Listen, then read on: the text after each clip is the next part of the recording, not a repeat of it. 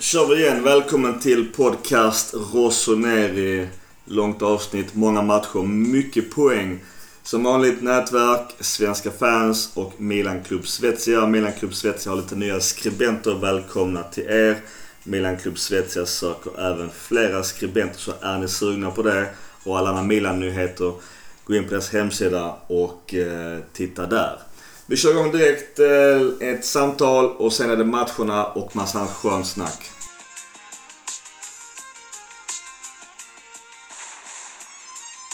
Eh, Sveriges bästa sportchef och Skandinaviens bästa klubb. Daniel Andersson, välkommen! Tack så mycket! Alla är nyfikna på MFF-spelaren som är klar för Milan. Vad har du att berätta om Lukas?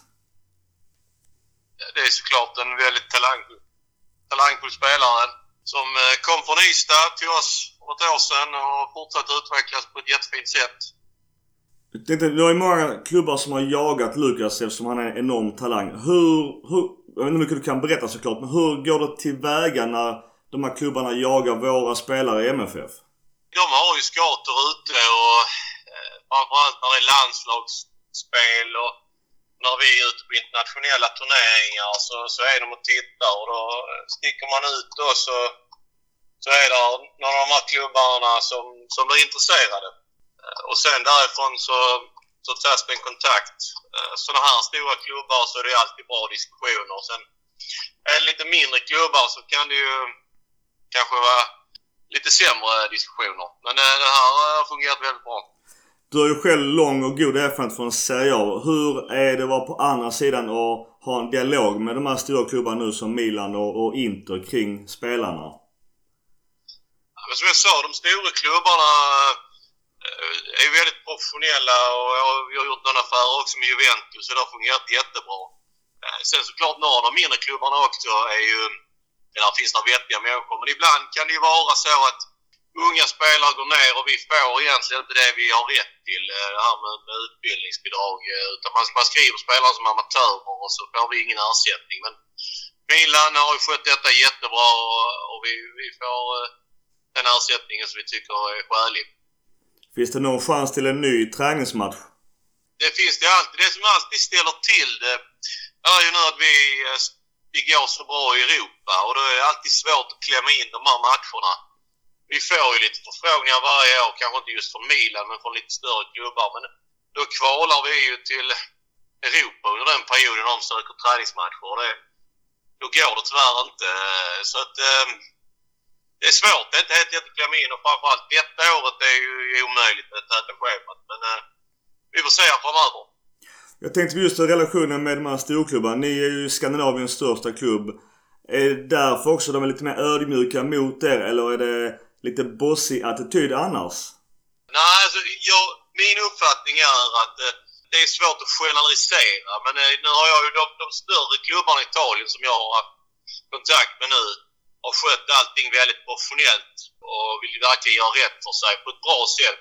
Och jag sa innan, där är några mindre klubbar som också sköter det bra men det är också några mindre klubbar som gör det mindre bra. Jag tror snarare att de bara är eh, gentlemanmässiga och professionella, de större klubbarna. Jag kan ju säga att under alla mina år i Italien så Milan alltid uppträtt på ett väldigt bra sätt äh, i alla sammanhang. Eh, som jag tycker man ska göra när man är en stor klubb, att man visar ett, ett gott föredöme. Så att eh, det tycker jag håller i sig. Att de, de, eh, de, de är ett bra föredöme helt enkelt. Vem var det, det kan inte du få säga, men får du säga vem du hade förhandlingar med i Milan? Jag pratade direkt med, med sportchefen Masara. Tillbaka till spelaren Lukas. Vad har du att säga om hans spelaregenskaper? Vad kan vi förvänta oss? Det är en väldigt eh, tekniskt duktig spelare. Fin bollkontroll. Eh, en offensiv mittfältare som har ett härligt driv i steget. Han är, har en bra fart med boll. Bra på att ta fina djupledslöpningar. Gör mycket mål och assist. Eh, så att eh, en spelare som sticker ut med, med väldigt goda egenskaper. Det låter lite som en annan supertalang i Svanberg som är i Bologna idag. Ja, man ska aldrig liksom, det är svårt att jämföra spelare så men det är lite samma typ. Sen, sen ska man alltid akta sig för att eh, göra, jag vet att Ita- framförallt Italien gillar man att göra, hitta liknelser. Jag, jag är inte så förtjust i det faktiskt. Men där finns ju likheter i deras sätt att spela, det gör det. Du Daniel, jag vet att du är upptagen man så stort tack för dina ord. Lycka till i cupfinalen och resterande matcher i Allsvenskan. Tack så mycket. Ha det gött, trevlig sommar. Ja, samma. Tack så mycket Daniel. Hej. hej.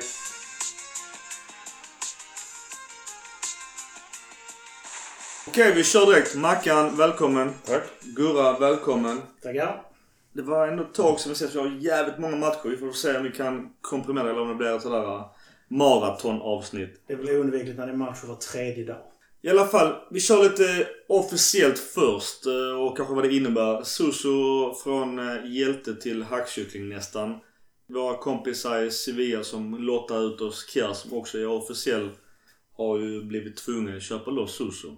Så jag gillar Sevilla rätt mycket nu. Jag med. De gör att vi blir av med Suso och att vi får Kjär för reapris. Jag har länge sagt det med Suso. Det pratade du också mycket om Mackan när vi började den här podden för, ja, när det nu var. Att 4-3-3 var ju uppenbarligen för att Suso, vi fick ut mest av honom men inte av spelet. Och, och det ser man också nu på Hakan att han är mycket bättre när vi inspelar 4-3-3. Men Suso ger oss mellan 21 och 23-24 miljoner euro. Och vi köpte han från ditt andra Liverpool för ungefär en och en halv någonting. 1,8 tror jag det var. Mm, det fanns en återköp på 15 och det var lite annat sånt. Som de inte använder. Så det är ju ganska bra sett i financial fair play. Vi skulle sålt honom när de värderade honom till 40. Jag är fortfarande nyfiken om det fanns den jävla klausulen Mm. som det ryktades om eller inte. För att eh, Milan hade fått bud när han var som bäst. Men eh, ja, nu nu blev det i alla fall Sevilla. Eftersom de kvalificerat sig till Champions League. Grattis till det. Grattis till Milan som får lite bättre sett till financial fair play. Caldara-dealen kanske inte blev så worst ever med tanke på att vi fick Kjär av Atalanta. Och Kjär, det kan vi baka in sen i matcherna. Men han är i alla fall officiellt klar nu. Han har ju själv sagt att det är Boyhood Dream Club. Uh, och det är ju alltid ett plus i min bok när man uh, håller på Milan. Så att uh, tvåårskontrakt, jag vet inte, lönen är inte klar än. Det var mycket snack på svenska fans i alla fall om hans lön som var Kanske det som var stötestenen. Ja, att den var något hög för en 31-åring. Men jag kan tycka att 31-åring mittback är väl ingenting egentligen att diskutera. Om man inte nu är Rangnick och Ivan Gazidis. Eller Gazidis egentligen. Och Kjär är i ett sånt läge i sin karriär så även om han blir tredje back nästa år så är han nöjd och glad. Han är jätteglad. Han, det är ju som jag sa, hans favoritklubb från Boyhood. Och vi blir av med Billias förmodligen. Jag tror ju inte att de förlänger det kontraktet. Och den kan inte vara högre än hans lön. Men Biglia, vad sa du? 3,5 3,5? tror jag han har. Eh, Sånt. Jag tror han har 3,5 miljoner euro. Jag kan se vad han har i pund i månaden har jag. Och då hade inför det här 2,5 euro. 2,5 euro. Biglia har 481 000 pund i månaden. 481 000 pund i månaden. Äh, är det brutto eller netto? Det, det känns nästan brutto. Det måste vara brutto. Det är netto. Innan skatt ja. Nej, inte ut. De men- Aha. siffrorna vi pratar är ju alltid vad de får ut. Jaha, okej. Ja, jag skjuter alltid vad de har. Bara vi förtydligar i alla fall. Så Ja. vi inte pratar olika siffror. Men skitsamma. Blir vi av med hans lön så har vi, har ju, är ju Kjärs lön betald. Jag tycker även om Kjär skulle ha samma lön som han hade från Sevilla-Atalanta-tiden. Som då var 2,5 som det sägs. Så tycker jag fortfarande att det är en helt okej deal och ha honom på två år med den lönen. För vi köper han för, jag ska inte säga kaffepengar för det är lite oskönt. Men sett till dagens värde på mittbackar. Om han är mittback backup 1, backup 2. Kan till och med startman i vissa matcher. Så vi hittar ju ingen med landslagserfarenhet, erfarenhet från Serie A, från La Liga, kan språket, kan klubben. Som går in och gör ett bra jobb. Det är ju drömmen för alla lag att kunna ha en ordentlig start, startställning, kanske en ung lovande och en veteran som kan gå in och avlasta och som alltid levererar. Och på något sätt måste vi väl då revidera vår syn på Gazidis lite. För vi klagar mycket på honom. Men här har han ju gjort något, i alla fall godkänt någonting bra. Ja, det är som Hackan. Credit where credit is due. Ja. Ja, Ja. för utan Gazidis godkännande hade vi aldrig fått Kjär. Hur Jag, bra jag tycker att han får fruktansvärt mycket skit. Bland annat av dig Micke. Absolut, jag gör mycket skit. Och jag tycker att skit ska skit ha. Men jag vet inte hur mycket han bestämmer. Jag är också Ja, med. alltså jag är väldigt svårt att avgöra härifrån där jag sitter. V- Vad bestämmer han? Vad bestämmer Maldini? Vad bestämmer Elliot? Mm. Vad bestämde Leonardo? Ja, alltså jag tycker det är jättesvårt att veta vem som har bestämt vad. Jag håller med. Jag, ibland så är min kritik säkert obefogad. Men samtidigt också så vill man också veta vem ska ha cred, som sagt. Det är ingen som vet. Det känns som, som en labyrint i en pyramid. där inne. Vem på toppen? Ja, då har vi ganska bra hierarki.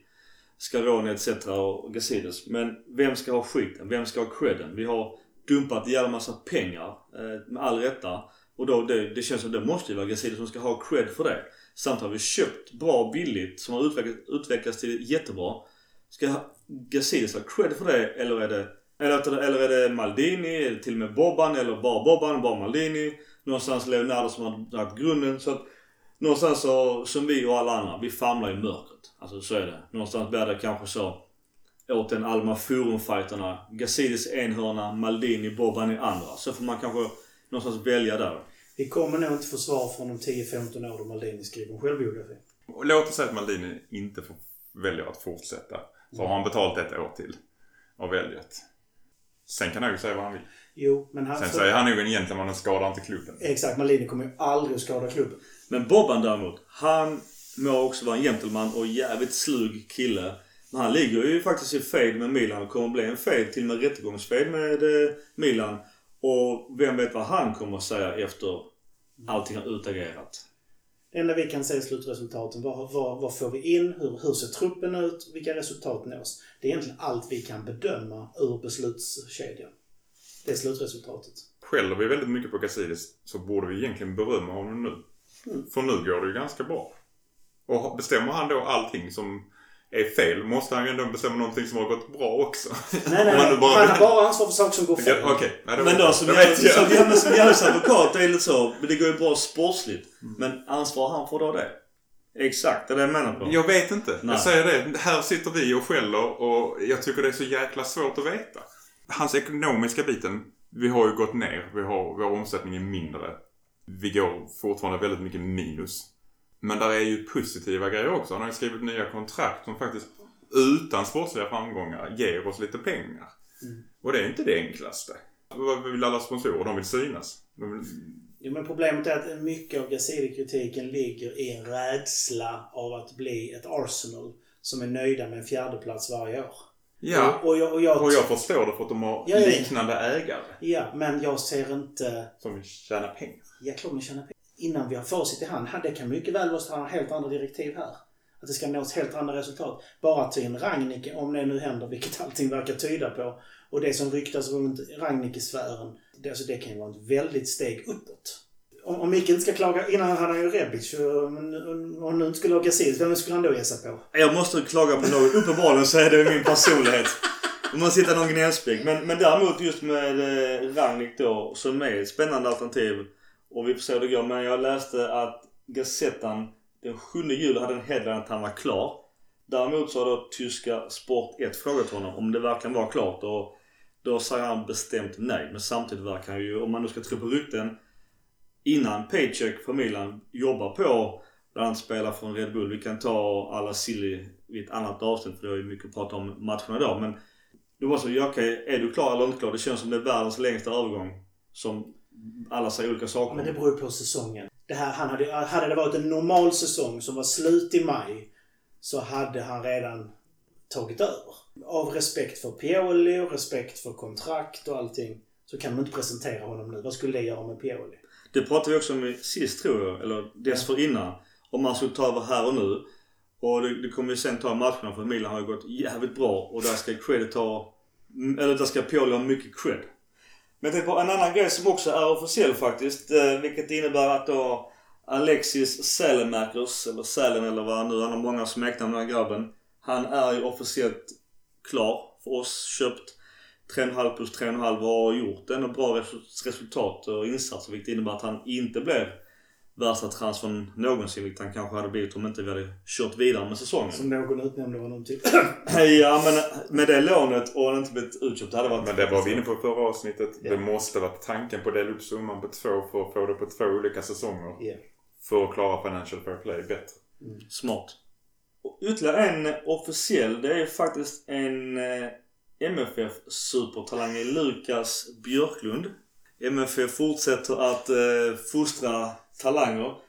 På gott och ont så eh, försvinner de till Europa. Kommer kanske jag få se mig att få ihop ett samtal med eh, MFF om honom så vi återkommer med det.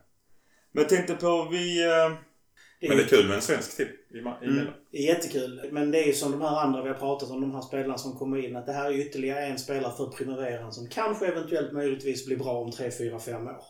Och jag tog faktiskt en fråga sist om någon, både av vi tre, vi hade ingen på rak arm, även eh, la ut en på Svenska fans och Milan Club Svezia i våra nätverk. Om någon där visste om jag köpt in en utländsk Primavera-spelare som har gått igenom hela eh, Primaveran upp till A-laget och etablerat sig. Jag har inte fått in något namn. Jag har fortfarande ingen jag kan på rak arm heller spotta ut. Så att det kanske inte är den bästa lösningen ändå för Milan. Har det att göra med vår Primavera eller vad har det att göra Ja. Men med? hette inte han Niang eller vad han hette? Ja, Han han, men han köpte, han spelade i A-laget i princip direkt. Ja. Ja, Han som okej. född 94 var han Han, han köptes in väldigt ung vet jag. Det, är- det är ju snack om att eh, Leao är Niang 2.0. Det är många på Twitter som, som roar sig lite med. Lite elakt kanske. Jag tror Leo har mycket större förutsättningar. Jag kan tänka mig att Niang, som också ryktades till andra klubbar, han valde ju fel. Han valde ju Milan i ett läge där Arsenal med flera jagade dem. Jag tror att det hade blivit mycket bättre utveckling om han hade valt en annan Han, klubb. han skulle gått till Holland något år eller två först. Och fått och mer speltid. Han skulle framför allt gjort mål mot Barcelona i Champions League. Ja. Han kommer ensam. Ja. Det, det skulle varit han gjort. Ja, Mm. lite bittert. Inte så litet heller. Inte bitter. Men jag bara tänkte på just eh, Rangnick och hans vara eller icke vara. Det är ju och återigen till Gazidis den här eh, titelmatchen. Då, någonstans där mittemellan är ju Maldini som verkar ha blivit erbjuden en eh, ambassadörroll i Milan. Kommer han acceptera det? Är han för stolt för att ta de stegen neråt i hierarkin eller? Spekulationer igen. I förrgår skulle Milan inte köpa loss Kjär. Ja. Igår skulle vi. Jag tycker det är ett bra exempel på eh, hur eh, transfersommaren funkar. Det är rykten och rykten och rykten. Maldini har ju inte, han har ju spett på ryktena ganska bra själv genom väldigt kryptiska svar i intervjuer. Med tanke på hur det har gått sedan uppstarten efter coronauppehållet så gör de helt rätt i att vara tysta om allt. För nu går det ganska bra. Varför ska vi börja störa det? Det går väl jävligt bra. Ja, På tal om jävligt bra. Vi vänder över till eh, våra matcher som går så jävla bra.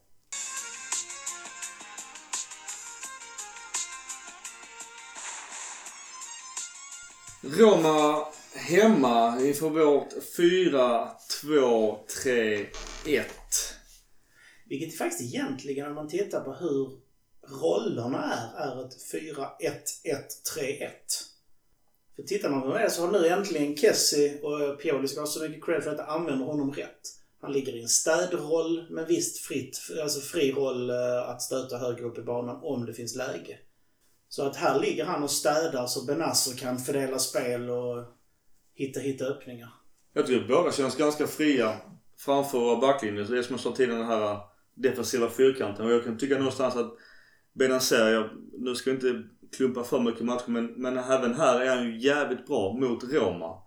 Det som sägs just med Roma-matchen det är att jag, jag tycker var riktigt blek första halvlek. Jag minns knappt, var så länge sedan.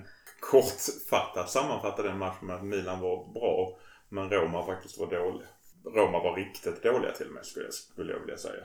Eh, mm. Visade ju knappt uns till ordentligt anfallsspel. Seko var helt blek och blev med rätta utbyten. Jag skulle vilja säga att hade Milan spelat lika bra som de gjorde mot i senare matcher hade vi gjort fler mål. Jag var nöjd med att så länge det stod 0 tänkte jag fan skönt att äntligen ta en poäng mot ett topp 6-lag. För det var ju länge sedan vi gjorde det känns det som. Matchen fortlöpte så var Milan mycket bättre. Och någonstans så känns det som att eftersom inte Roma fick hål på Milan så de skapade ingenting. Någonstans känns det som att det blir lite mer självförtroende. Och jag tycker återigen att våra defensiva spelare får ju bäst betyg i Milan då med Teo, Kjär, Benazer och Romagnoli. Ja, Hernandez hade ju... Även här hade han ju någon markeringsmiss. Absolut. Som, Samtidigt som ledde till deras, en av de få farliga chanserna. Jag måste ju påpeka att han har blivit mindre offensiv men betydligt mer defensiv. Det kom ju matchen efter här Ja. Ja. Men alltså att folk klagar väldigt mycket och nu klumpar jag också matcherna här men det har varit många på kort tid. Mm. Folk har klagat mycket på att han inte gör de offensiva väderna på samma sätt. Men han har blivit mycket bättre i defensiven. Så jag tror att det är, är raka order helt enkelt. Ja, och jag håller med till fullo. Men detta är ju sista matchen där han sket i sin vänsterback. Precis. Sket i den försvarsmässigt och bara gang-ho offensiv. Sen är det som en helt annan spelare. Också säga just eh, Roma-matchen. Det var ju en ganska sen match eh, så många är. Dock var det fortfarande i vissa delar av matchen över 30 grader. Jag kan tänka mig att det mattade ju rätt mycket spelare också och Roma såg ju riktigt trötta ut och Milan hade rätt så svagt självförtroende i början. Annars inför matchen så blev Pierini Prati, han blev hyllad. Det är tydligen en gammal mästare från Milans tidiga 60-tal. Jag har inget mer att säga om det utan de hyllar honom så då gör väl vi också det. Annars just det vi är inne på Theo Anders. Eh, han har 8 grounded dual one. 2 key passes. 85% pass accuracy. 1 big chance created. 1 shot blocked. 1 penalty won. Four successful dribbles. Så att, att han blev man of the match är väl inte helt eh, orättvist. Nej. Vi kan väl också påpeka att i denna matchen var Zlatan fortfarande skadad. Landers gjorde bra, men han gjorde, han gjorde ett par markeringsmissar som hade kunnat kosta. Och därför är han inte min man match. Men han gjorde bra resultat, absolut. Annars med stats. Vi har fem bra målchanser. Roma har en. Och vi har en i virket också. Vi har 552 passningar mot deras 404. Vilket... Alltså det, det säga så värst mycket men om man ser på överlag eh, statistik. Vi har 57% boll. 13 skott. 6 skott på mål. Redan där kan de ju inte vara riktigt vara trötta på allt matchandet. För att de hade inte spelat så många matcher. Vi hade spelat en mer. Mm. I och med att vi hade Juventus i, i semifinalen i cupen. Återigen klumpa lite för det har gått många matcher. Milan verkar ha bra fysisk status. Vi orkar Mm. långt in i matcherna. Innan har vi ju haft det problemet att vi har spelat ganska bra fotboll i 60 minuter och sen pallar vi inte mer. Nej, precis. Men nu tycker jag ändå när man jämför med alla motståndarna som de, många av dem har legat över oss i tabellen så har vi orkat längre än dem. Det beror på att vi har, vi har dels ett ånglok i Kessie som aldrig slutar springa. Vi har en uh, Benasser som också springer rejält. Och Hakan. Och Hakan skulle jag komma till som avslutning här. Som har fått någon nytändning. Och springer rätt. Ja! Innan sprang han mycket men fel. Nu springer han mycket och rätt. Och vad- det var den här matchen jag blev helt chockad. Han vek in från vänsterkanten och passade! Ja, jag, jag måste... Credit credit's due som sagt. Men samma Hakan har också satt lite press på Milan med lite ris och ros att han trivs i Milan, vill gärna stanna men samtidigt vill spela Champions League. Han har inte långt kvar på sitt kontrakt. Jag är livrädd för att han är hos Milan i flera år. Börjar leverera nu sitt sista år. För dessförinnan har han varit mest svag faktiskt. Näst sista. Att han helt plötsligt nu börjar leverera och lämnar skeppet. Lite rädd för. För nu tycker jag också att han har varit återigen ihopklumpad dessa matcherna efter Corona. Fantastiskt bra. Samtidigt tycker jag det är ganska bra att spelarna sätter lite press på klubben för vi vill väl också att Milan ska spela Champions League. Klart. Annars lite Milan-relaterat i Roma att jag satt och följde Cristante. Han var rätt så blek. Kom, byts ut av en annan gammal talang i Pastor som var ännu mer blek. Men blekast av alla var ju som vanligt vår gamla kompis i Nikola Kalinic. Ah, han kom in. Ja, han Bara kom in. det. Jag tänkte så, det skulle inte förvåna mig om han kvitterar den. Ja, jag ska inte... Han hade, han hade ju något läge, hade han, som han nästan fick med sig den och kom förbi backen. Då hade det varit jättefarligt ju. I alla fall tre jättefina poäng mot Roma.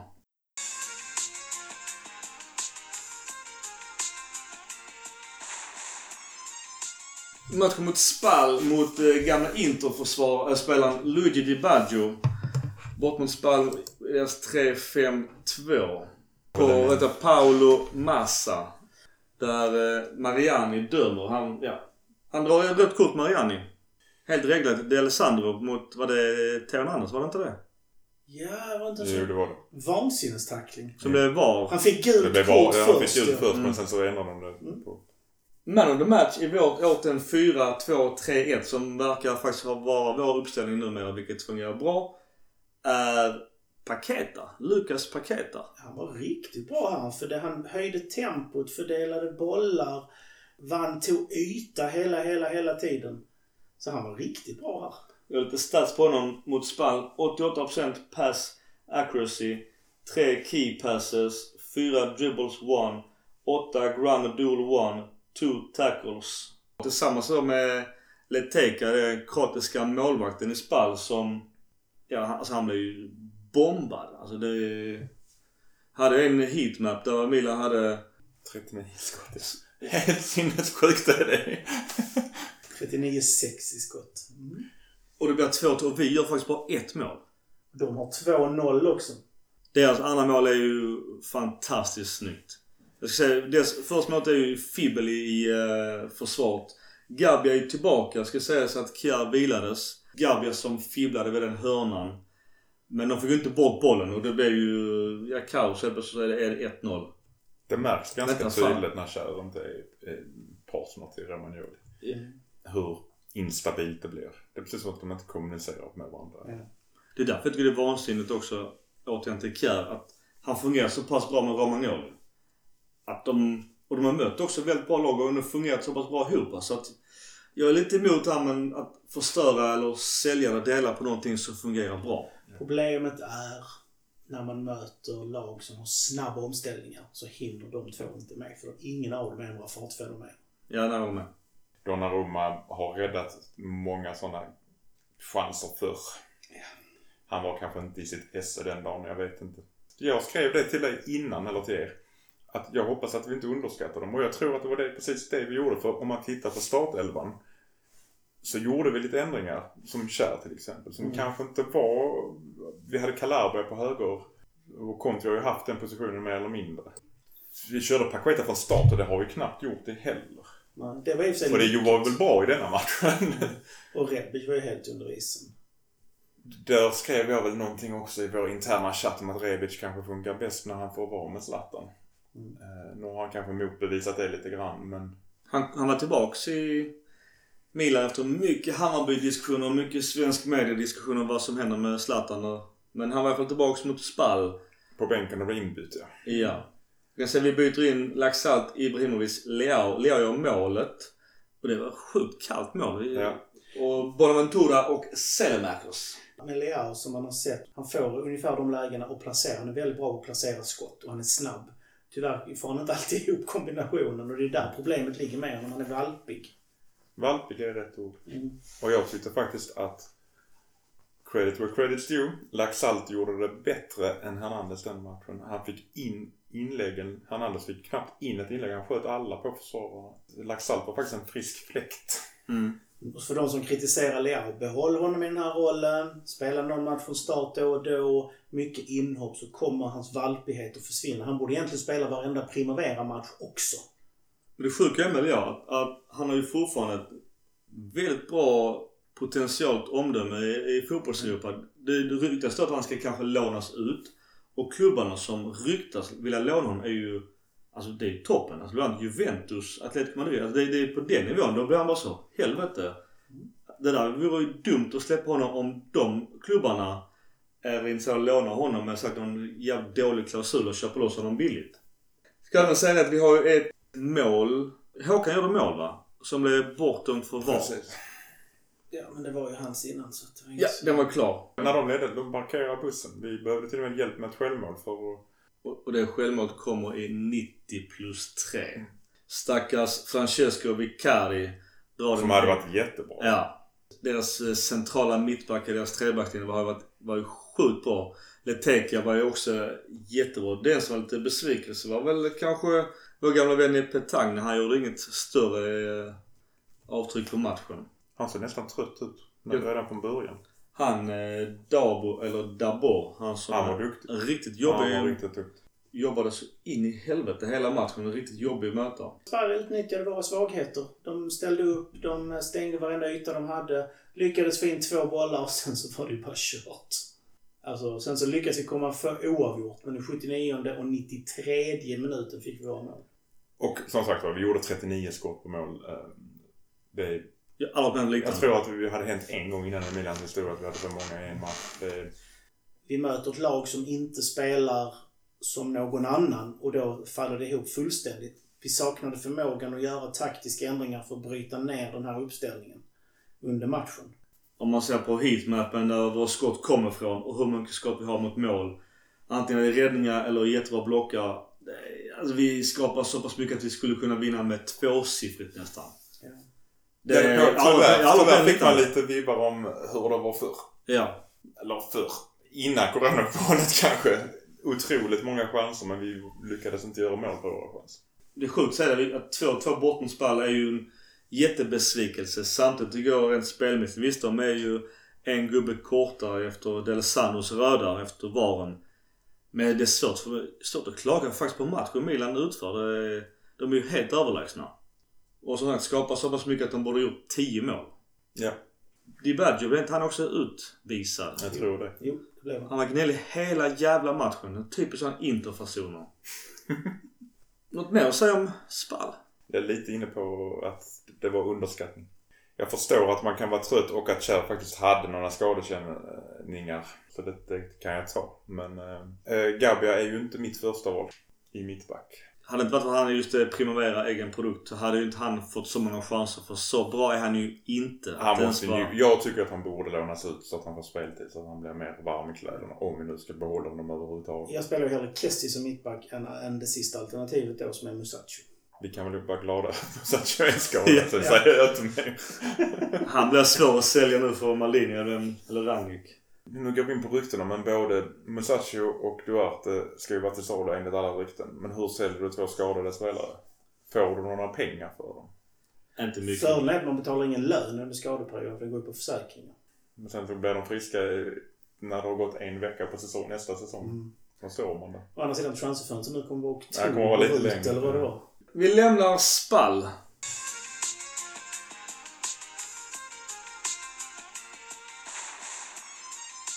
Och glider in på ju Lazio borta inför Simeone Inzaghi på Olympico. Där Calvarese dömer. Detta för mig är Milans bästa match på kanske fem år. För mig. Och då ser jag på det rent taktiskt. Ja. Och eh, låter ett bra Lazio föra matchen och, och vi bara står rätt spelar med ett lågt tempo. Jag tror mycket också det som gör att en sån som Kessie är sjukt mycket bättre nu. Att Milan spelar med ett lägre tempo. Jag tror Milan vinner jättemycket mer. Innan allt varit här. Milan ska vara framåt och Milan ska spela attraktiv fotboll. Milan ska vara som de var förr i tiden. Nej, det är vi långt ifrån. Utan dagens Milan spelar som vi ser lite mot Lazio borta. Sjukt klokt. Och jag måste ge samlad kritik efter coronauppehållet till Pioli. Att han spelar kanske sitt spel, jag vet inte. Men Milan känns jättekloka i sitt spel. Verkligen spelar efter sina resurser. Varje spelare är kanske inte top notch i tabellen. Men alla har höjt sig några procent. Och, och sammanlagt i de här några procenten blir att Milan är så pass mycket bättre idag som lag. Absolut.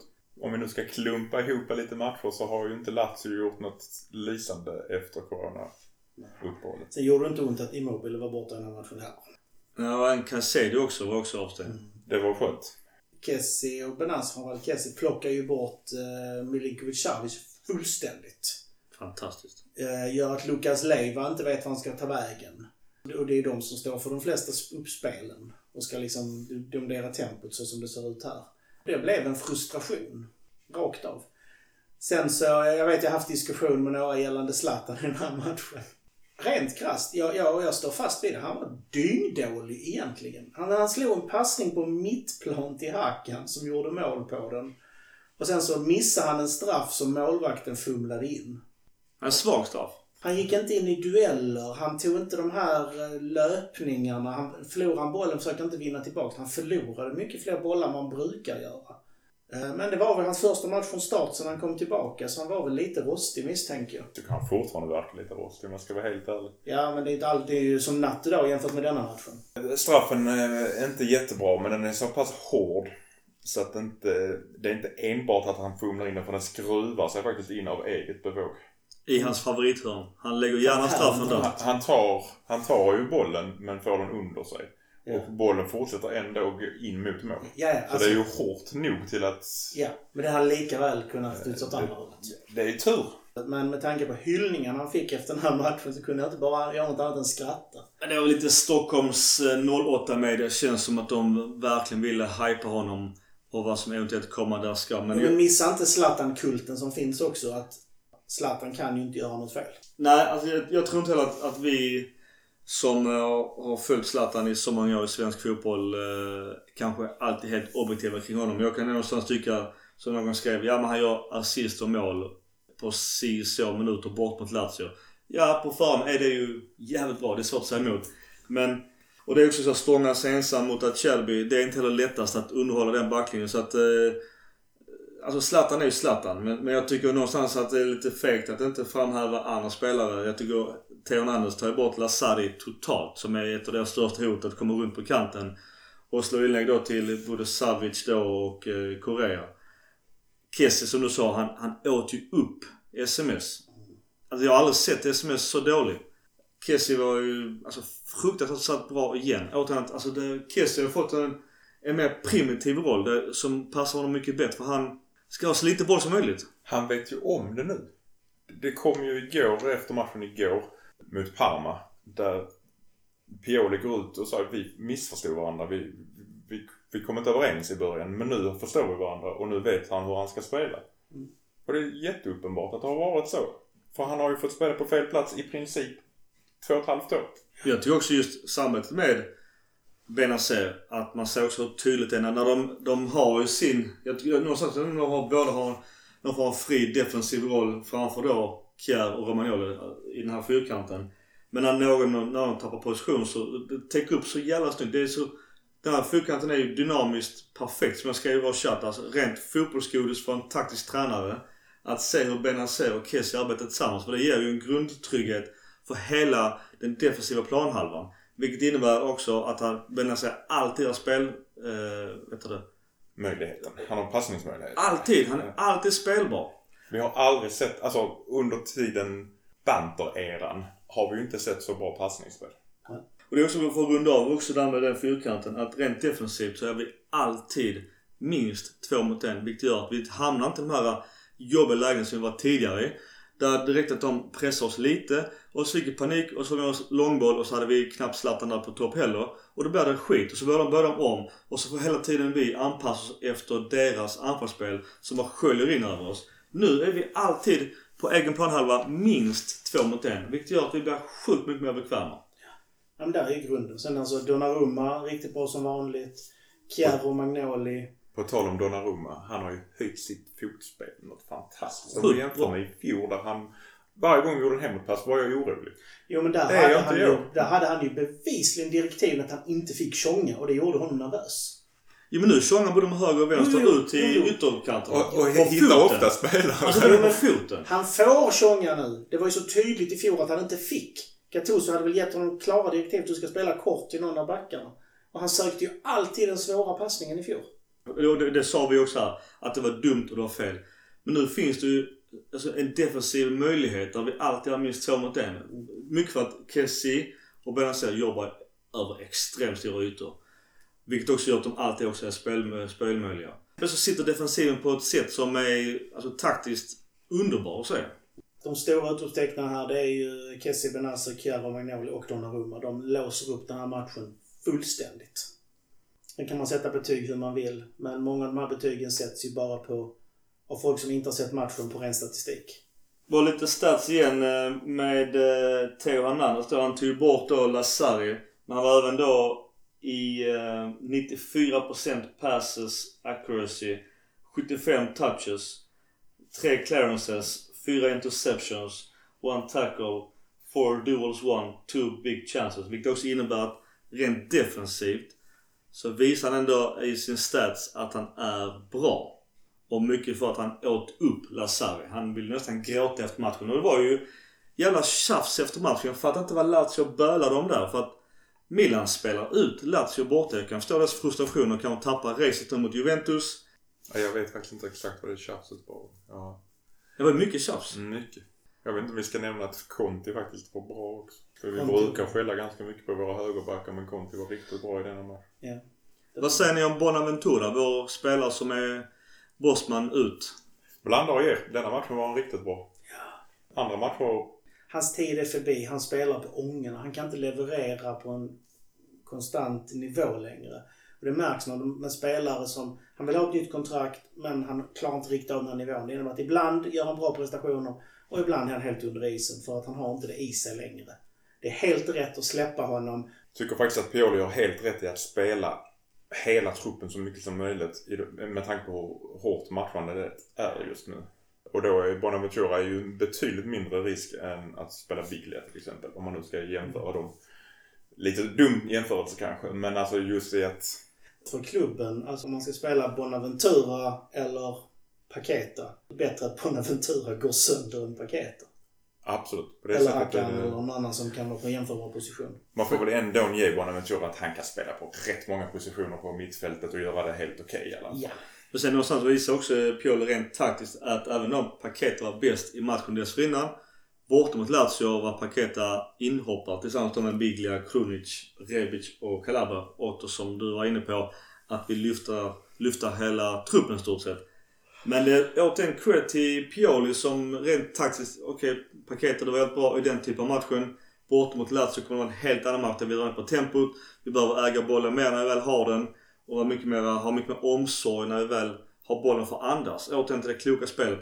Och ledsen att säga det men där är Paketa, vi pratade innan om Valpe. Jag tycker han är en kattunge när det kommer till det taktiska, kloka kund på fotbollsplanen. Han känns som en en skön eh, strandfotbollsspelare i brasilianska ligan för att eh, gärna ta några extra toucher. Så det går inte, inte ens att säga det är lite lägre tempo. Han har ju ändå att han, han är ändå med på brasilianska landslaget. Och får ofta spela också. Det beror väl på att Neymar är skadad alltid, ja. jag på att säga. Och så, och så som han eh, levererade när han spelade i Brasilien. Frågan är varför han inte riktigt får det att funka. Har han inte hittat en roll till honom? Är det så att Hakan har hans roll hela tiden och nu när Hakan gör det bra går det inte att peta? Innan vi avslutar Lazio, var kort eh, skjut från höften en lyssnarfråga. Stadion, är det något nytt? Staden Milano har ju eh, accepterat att vi kanske inte kommer att renovera San Siro. Gått med på att gå vidare så att säga. Men så, det är ju fortfarande inte bestämt vilken av ritningarna som ska vara byggas om det nu blir byggt överhuvudtaget. Jag kan ta vilken av dem. Men det verkar ju som att Inter och Milan kommer att vara ganska bra överens om hur det ska vara. Jag tror de är så pass ekonomiskt slipade och till och med då Scaroni pratar om det också att det är ju ingen hemlighet att hur mycket Serie förlorar intäkter per dag, per match kontra alla som äger sin stadion. Det är bara att se på, om man ser till Sverige, att Elfsborg var ju först med att äga sin egen arena och de tog guld rätt så kort därefter de ägde arenan och helt en ekonomisk boost. Juventus är ju tyvärr också ett sjukt bra exempel på hur mycket de cashar per match, äger sin egen arena, vilket verkar... Alltså siffrorna är så pass enkla. Att, Valfri engelsk klubb. Exakt. Förutom Wigan. Så, alltså, det, det, är bara induktivt. Men nej, alltså, till sakfrågan. Det är inget nytt uh, i arenafrågan. Om det skulle vara något konkret så tror jag säkerligen att man kan hålla tyst om det så länge säsongen pågår också för att inte det ska störa. Innan vi avslutar Lazio att det de byter in det visar på att deras trupp är ju rätt mycket tunnare än vår till och med. För att de hade väl lite problem med skador. Lukas Leiva hade väl inte spelat särskilt mycket till exempel. Han hade, fick, hade väl en halvlek i sig var ja. i princip. Och vi vann inte på grund av att Lazio var dåliga enkom. Och, och sen får jag också säga att vårt tredje mål görs av, av Rebic återigen. Och det är mycket snack om ryktet att byta han rakt av mot André Silva som vi betalar mycket pengar för. Och eh, Ante Rebic är ju, jag vet inte, 2020 är väl kanske det vår bästa spelare. Vill uh, tyskarna det? Alltså, André Silva, André Silva går ju bra i, i Frankfurt. Ja, ja, ja. Problemet ligger där att det är någon form av eh, klausul som ska gå till Fiorentina. Men det är väl vi köp? Om det är byte rakt ja, av? Ja, det är ju det de försöker slipa på detaljerna så att vi slipper betala någonting eller de slipper betala sin del till Fiorentina. Ja, för då ska det göras en värdering och är det skillnad i värde så fin räknas som en köp. Ja, bla bla bla. Mm. För jag tror säkerligen att de vill ha ut mer än vad andra Silva är värd om de ska betala vidare pengar. Mm. Får de göra lite som Juventus och Barcelona. Deras eh, swap mellan Pjanic och eh, Arthur. Arthur. Övervärdera. ja men det känns som det, det måste vara fusk. Sen så tycker jag Barcelona gör en riktigt dum sak där. Tar mycket äldre Pjanic och Jag tycker Arthur har en mycket större potential. Men Men, men det, det är ju som så med hela de här fair play-reglerna att det finns så mycket hål, det finns så mycket luckor, det finns så mycket öppningar. Det är därför City klarade sig nu. Fotbollen, när de gör, utfärdar sina domar i de här fair play då tar de som de har tänkt. Men sen när CAS kommer in och säger ja men reglerna är A, då ska man göra A. Har man gjort A, eller en variant på A, ja då är det okej. Okay. CAS är mycket mer svart Jag har inte läst hela domen från CAS. Sen har den kommit ut än? På- på- City får ju spela Champions League. De Ja, jag vet snack att om två. Det, det år. kom ju ut. Men exakt vilka grunder de beslutet är grundat på har jag inte läst. För att de har Och det kom reg- inte... De har, för, de har väl brutit lite mot reglerna men inte så mycket att det i regelverket eh, rättfärdigar de åtgärderna och därför kommer det bli en visst bötesbelopp istället. Men de har inte brutit så mycket att det påverkar jada jada. Nu låter det som Mourinho. Ja, ja men vet, hela fotbollsvärlden har ju gått i taket. Eh, De får spela Champions League, rätt eller fel. eh, Jag har inte heller läst domen eller argumenten. Men de fick böter på, jag tror det var 100 miljoner pund eller euro istället för 300. Och det är ju ingenting för Citys ägare att kasta upp det för att behålla sin trupp. Att annars hade det nog blivit massflykt och ja, jag vet inte hur klausulerna ser ut i deras kontrakt. Men om man inte får spela Champions League kan jag tänka mig att de har rätt mycket lägre De försäljnings... säljer en lyxloge så har de fått ihop de pengarna. Fast det är så sjukt också. Financial fair play, du ska inte gå med för mycket minus. Följer du inte det så ska du betala mer pengar. Hur mycket mer plus går du då? Mm. Alltså det är ju egentligen är det väldigt bisarrt. Att jag tycker inte att böter ska vara ett Straff. straffpåföljd. Poängavdrag. Eh, Ja, alltså poängavdrag eller att du blir utesluten. Det är ju de grejerna som kommer vara hårdare än pengar när du har rika ägare framförallt.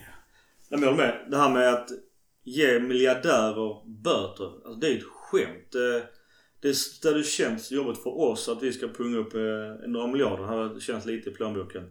Men för dem, det är ju ingenting de ens bryr sig om. Jag menar en miljard hit hit. Alltså det är på den nivån. Det är som du säger. Ska det kännas och bli någon effekt av det. Jag är ledsen boys. Det blir ingen Champions League nästa år. Milan valde ju själv också kan ha rent taktiskt att bomma bomma Euroleague för att någonstans på något sätt halvt kvitta Kars och eh, Financial Fair Play för början på en ny kula. Det, alltså någonstans så får man ju ta den, den konsekvensen. Men jag läste om det förresten, man kan undra vilken spansk klubb det var. Men de säljer ut två av sina loger som de har som lyxloger. För så mycket pengar att det betalar hela spelarbudgeten. Alltså, det, Man, då, då handlar det om biljettpriser och då kommer du runt det. absolut. Ja, alltså, det, det går att komma runt det. Men jag tycker i, i fallet med City, om vi nu ska gå in på dem, så har, är det ju konstaterat att de faktiskt har fuskat. Och då tycker jag att de ska få ett straff som känns mer än att betala pengar. Hade det varit en klubb som har ont om pengar så förstår jag fortfarande inte straffet med att du ska betala pengar så att du sitter ännu mer i skiten. Mm. Då får du två minus. Det blir inte plus i detta. Jag tror också Uefa är lite fega att om de fäller en sån jätte som City är idag. Då kan jag inte heller se mellan fingrarna på andra jättar och helt plötsligt så kanske Champions League blir ointressant nästa år när fotboll måste ha en reboost efter Corona. Så jag tror inte de vågar eller vill. Men CAS tittar inte på det. Kaos tittar inte på det. FIFA Uefa, Uefa, Ja, jag vet- alltså, Uefa var ju faktiskt de som gav eh, straffet från Ja. början. Jo, kan man lita på dem? Det är nästa fråga. men- Alltså på den pengarna. Jag litar inte ett piss på dem. Du, här, här är en portmonnä med pengar. men någon- Titta bort. Men då kan vi inte lita på någonting. Då kan vi... Då, Nej men det gör inte jag. Jag litar inte på någonting när det kommer till fotbollsvärlden. För det är så mycket pengar. Alltså ha- hade jag gått runt som linjeman. Uefa eh, Champions League-finalen. Du, här är en miljon. Du håller flaggan nu, finns det sig var. Men innan, innan var. Jag hade hållit ner flaggan varje gång. Ge mig pengar Ja, som då hade du aldrig haft en match till. Nej. Men jag hade fått rätt mycket pengar. Alltså, alltså, det, alltså spelarfusk, korruption. Att inte skulle finnas på yttersta nivån. Ja, alltså Nej, det är ju det är såklart att det finns överallt. det är miljardindustri. Varför skulle inte de säga du... Titta på Sepp Blatter. Jag menar... Ja, han Om, har om, högsta han är, om han är högst i Fifa och är korrumperad. Så jag menar... Platini. Ja. Det är klart att det finns. Innan vi blir stämda så säger jag att detta är vad vi gissar och spekulerar så ingen tror vi sitter här med fakta. Men att Blatter är korrumperad, det har han inte Han är ju dömts dömd Han är dömd, ja, ja. Han är dömd Och. Platini också väl? Ja. Platini är också dömd. Ja. Vet, så, så det var fakta. Vår, vår kompis Lennart Johansson, Rest in Peace. Han hade ju rätt mycket att säga just om, om Blatter och Platini. Och Han kände sig kanske som den enda riktigt hedervärdiga medlemmen på den tiden och han hade ju rätt mycket att säga om Platini och han fick ändå munkavel. Intressant om han hade vunnit i Fifa istället för Blatter. Ja. Vad hade han gjort med organisationen? Men det var därför han inte vann, för han lovade ju städa upp Ja. skiten. ja. Som Okej. andra ord så skiter vi Nu lägger vi ner allt. Lägg ner fotboll. Ja, för det är lite så med, med ditt resonemang Micke, att om, eh, om man inte kan lita på någonting då behöver vi inte ha någon match överhuvudtaget. Ja, som sagt, jag tror att videogranskningen är väl den stora fördelen med just att komma runt här. Det är väl därför jag hade hoppats på att Juventus inte skulle vinna första året med videogranskning. Det hade varit ett stort finger i så fall till dem. Men sen kan jag också tycka nu, om vi sprättar lite här med eh, både med pengar och, och ligor, att, att Newcastle, deras nya ägare, om det går igenom.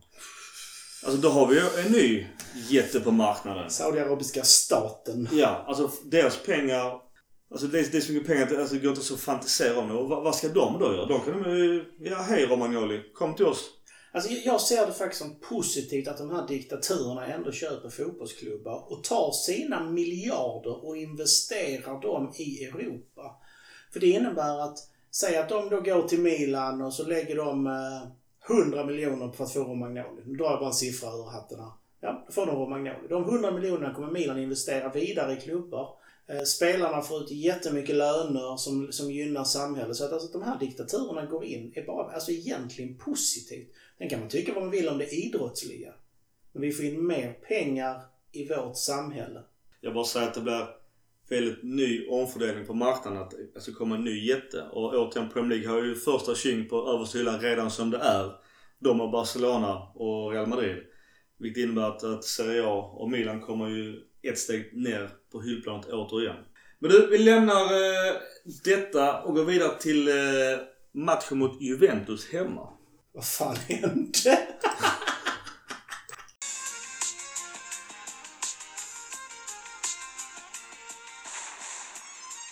Guida dömer vår match hemma mot eh, Juventus 4-3-3 med Maurizio Sarri.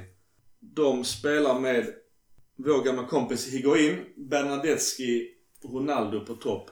Och vår gamla kompis Bonucci också. Bonucci och Rugani som också har ryktats till oss till och från. Chesney, den osköna snubben, eh, hånade oss när vi låg under med 2-0. Jag tycker inte att det var helt rättvist. Eh, Rabiot gör ju en jättebra räd. Jag tycker faktiskt att åt där dippar vår defensiva fyrkant. Och Att, fyrkanten där eh, var väl inte så bra, i alla fall i början på andra halvlek. Nej. inte du går getto nu när det är Juventus. Mm. I'm going ghetto. Man kan Nej. vända på kepsen. Vi kan väl säga så här att Juventus var bättre i första. Men jag tyckte inte de kom till riktigt, riktigt farliga lägen. jag tycker vi hade ganska okej kontroll, Ja. kontroll på dem. Alltså jag tyckte de ägde matchen. De kom inte mycket lägen, men de gjorde vad de behövde. Det kändes som en typisk Milan-Juventus-match. Mm. Där de inte var mycket bättre men att de skulle nöta ner oss. Ja. Och sen i andra halvlek kom både 1-0. Fantastiskt solnummer. Det, är det måste komma högt upp på årets snyggaste mål. Mm, Och så eh, 2-0 och då allt jag kände och, och du- så stabiliteten de hade i laget såg så stabilt ut. Jag kände bara att det här, det här kan vi lägga ner. Och Ja. sen... Men kan vi diskutera 2-0 målet? Kjär och Romagnoli springer ihop här. Jag vet inte om de, de båda pratar samma språk. Kjär kan ju språket så att eh, jag vet Men inte. vem ska ha skulden där? För jag, Romagnoli fick väldigt mycket skit där. Men jag tycker att det är Kjär som springer in i Romagnoli. Jag tycker båda plumpar De men... men pratar eh, inte med ja. varandra uppenbarligen. Men Men jag tycka eftersom Romagnoli får göra ett defensivt jobb eh, bakåt och Kjär han går ändå från sidan Ja, så han får sidan ha bättre fram, ja. uppsikt. Utifrån det resonemanget så ant, antingen så lyssnar inte Romagnoli på Kjär eller så, eh, så pratar de inte alls. För de, de krockar ju. Då blir Ronaldo helt fri och han gör inget misstag. Nej. Och då är matchen död. Och det känns som att så fan vi var så sjukt bra mot Lazio. Man hade ju inte räknat med poäng i den här matchen. Nej. Däremot så blir det en, en tilltrassad situation och det blir videogranskning och eh, ja, på håret så tar de på, är det Rugani eller Bonucci som får den på armen? Bonucci. Det är ju ett regelrätt eh, beslut att ta efter video. Jag uppfattar inte alls det när jag såg det under matchen. Eh, Ronaldo ska lite så halvpsyka Zlatan trodde han inför straffen och skulle visa till Chesney att ja men han skjuter alltid på samma ställe. Det är ju rätt kille att försöka psyka. Zlatan gör 1-2 och matchen är igång. I, och då pratar vi den 62 minuten. De gör sitt 0-2 i, i 53. Zlatan sätter straffen i 62. Vår nya idol i Kessie gör 2-2 i 66. Minuten efter gör inbytte Leao mål och eh, Rebic avslutar matchen i 80 minuten med 4-2. Alltså vi, vi har varit med om två matcher den säsongen där vi är med i en 4-2 match. Denna gången gick det ju lite roligare än eh, matchen mot Inter. Vad ska man säga? Jubel här, eller vad, vad har vi att säga om matchen? När Juventus leder med 2-0 så vinner de alltid mot Milan. De senaste sju åren har vi inte haft någon mental styrka till att återhämta ett sånt läge. Har vi tur med straffen? Jag vet inte om... Det är ju en straff.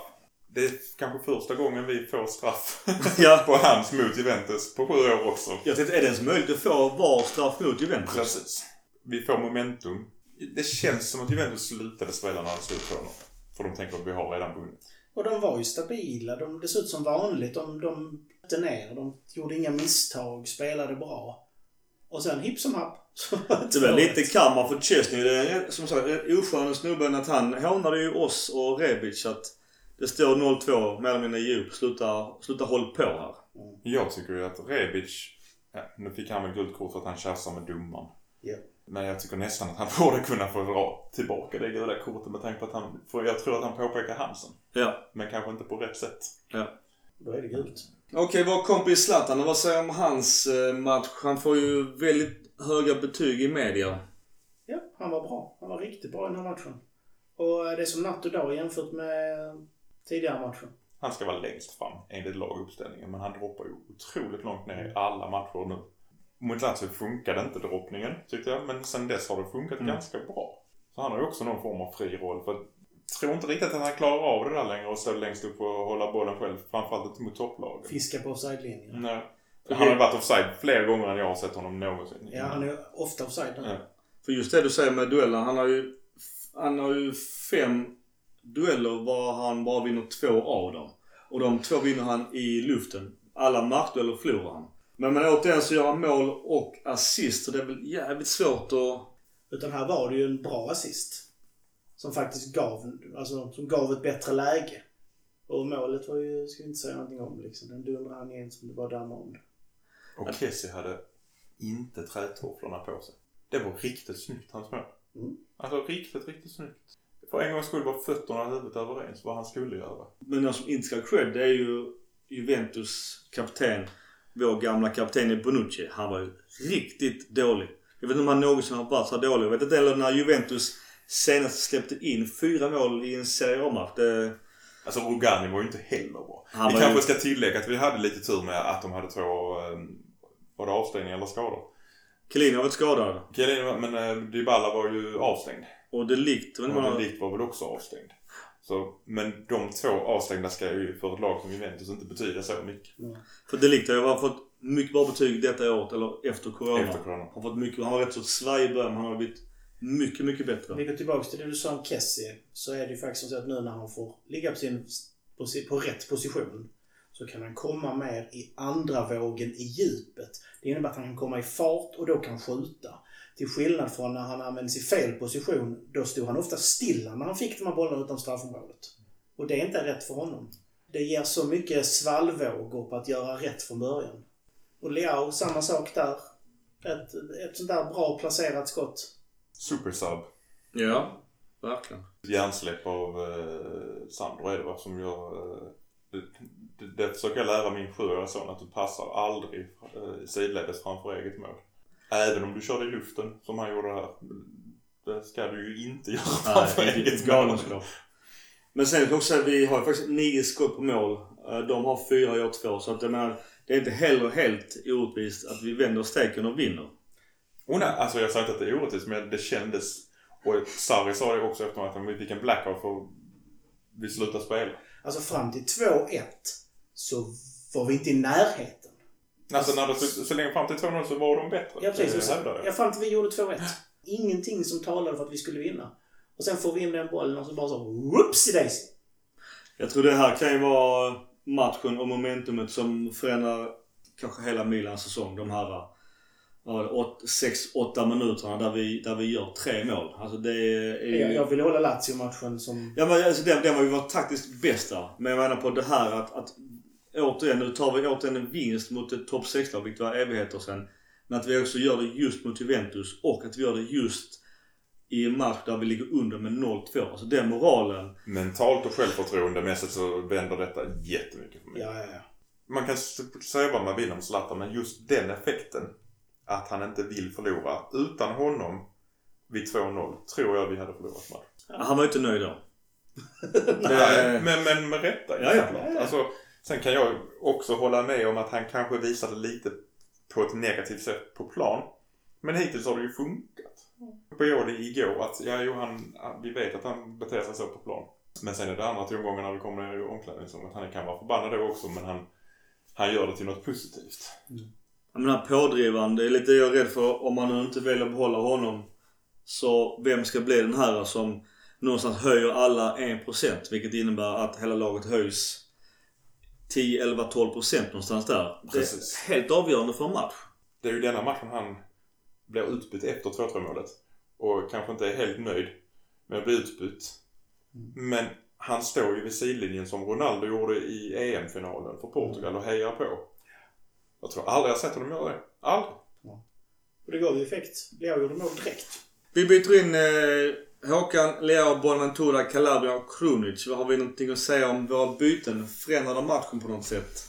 Eller jag gör ju uppenbarligen det när han gör mål. Leo ju nu fan knappt komma in.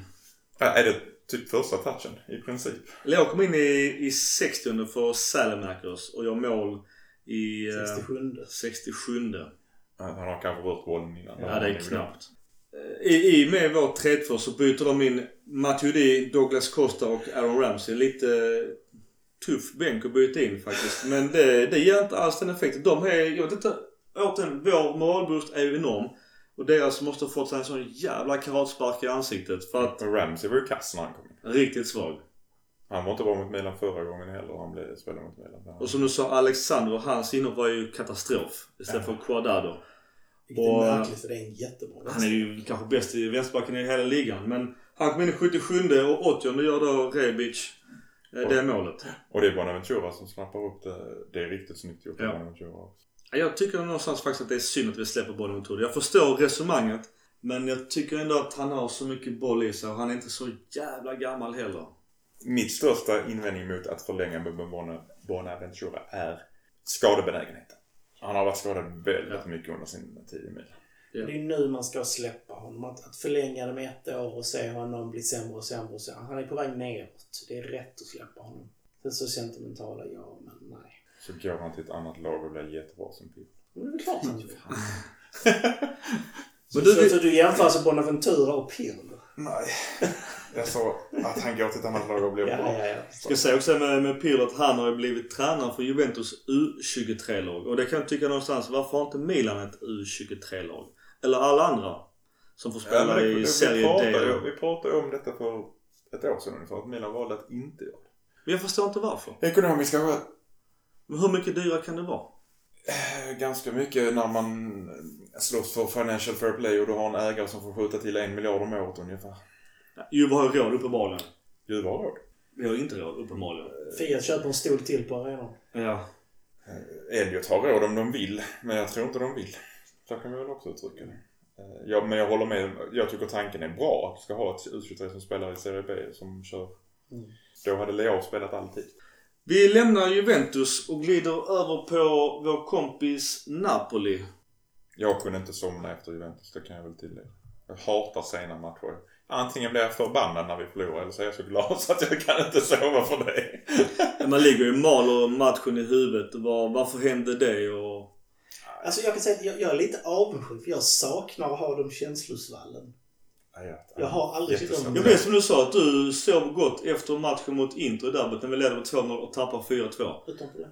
Ja, det var tufft. Och det är samma de här matcherna. Satt då att äntligen slå Juventus. Även inte det kanske laget vi ska kunna ta tre poäng mot. Det är bättre att ta poängen mot de som ligger mellan ja, 5, 6, 7, 8, 9 där någonstans. Men, men det är ju jävligt svårt att bara lägga sig på kudden och somna in. Även jag sover jävligt gott efter en sån här vinst. Men det, jag håller med dig Mackan. Jag är samma där.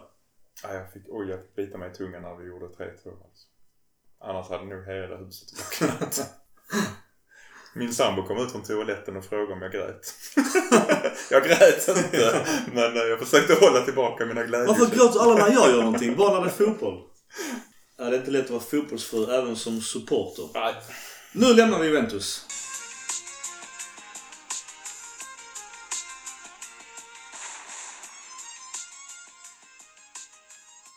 Okej, Napoli borta på Sao Paulo med tränare, kompis Gennaro Gattuso och eh, Le Penna som dömer. Det var ju fantastiskt att se eh, Maldini och Gattusos eh, hälsande inför match. Det var ju verkligen kärlek. Riktigt bra De följer ju inte riktigt de här regeldirektiven som Inte corona ligan har sagt upp. Inte corona okej denna. Jag tror de sket i det och jag tror de kan ta böterna också. Och jag kan säga att det så har jag sett i varenda match sedan dess också att de, de struntar i det. Jag måste säga alltså, överlag, Napoli borta. Det är en jävligt tuff match och vi spelar vårt 4-2-3-1. Å andra Det- sidan ska vi säga Maldini har redan haft det så att, ja. Mm, Ja, det var till och med sjukhus. ja så det var lugnt då. Ja. Förlåt, fortsätt. Jag tycker vi är riktigt dåliga i matchen. Det känns som vi är sömniga. Jag vet inte om, vi, om vi är trötta, om det är eh, att det är så tätt matchande. Vi har gjort en eh, Kier tillbaka och... Eller, nej, glöm det. P- Paketet är på från start. bort där. Det är Ja. klart han kommer! Alla misstag här nu. Förra gången var det så jäkla tydligt. Men det var på hur roligt det blev. Men vil- vilken lägg det här sen för det blir bättre. Ja. Ja, ja. Eh, men vad sa vi nu? Deras 4-3-3 mot vår 4-2-3. Vad, vad säger vi spontant om eh, Napoli borta? Alltså Paket har spelat, ska spela antingen i mitten eller till vänster. Satsar nu på högerkant. Jag tycker ofta får spela högerkanten när han väl får spela. Jag fattar inte riktigt om han... Kan det vara delvis att vi inte hade så mycket val? Kan det vara? Jag vet inte faktiskt. För Casillas är ju fortfarande borta. Ja. Han blev utbytt mot eh, som får två gula kort helt rätt. Eh, Hur snabbt var de på varandra? 85 och 87 ja. ja. Och de är ju faktiskt ingenting att diskutera. Nej, nej, nej. Eller Napoli borta, eh, en poäng. Ja tack. Jag tar det lätt. Vi spelade mycket sämre än vi gjorde mot både Lazio och Juventus. I alla fall Juventus och andra. Det var någon form av trötthet. Eh, kanske för stor respekt. För det var inte särskilt mycket till anfallsspel vi hade. Och, och det såg lite... Det såg lite dåligt ut i försvaret ibland också tycker jag. Sen, de är snabba. De är ganska korta. Jag sa ju det, är de tvära allihopa i anfallet i, i Napoli. Mertens och Milik-gänget. Och och Insigne. Ja, det är inga, det är inga stora killar. Nej. Ja, men det är Smarters är ju inte lång heller. Och sen har de 1,94 Koulibaly på backen. Som var bra. Han Så när, när, lag, de, när de är ute med laget så ser det ut som en dagisfröken med sina Ja. ja, nästan. Det var väl ett steg tillbaka. Samtidigt så kan jag, som sagt, jag köper en poäng där. Det är väl också lite typiskt ett lag som har, har bra form, att vi kanske har lite tur också.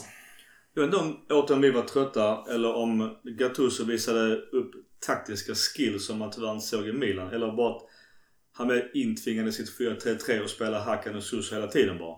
Men jag tycker nog Gattuso visar stor eh, taktiska skills här och, och rent taktiskt så är vi ganska utspelade under stor del av matchen.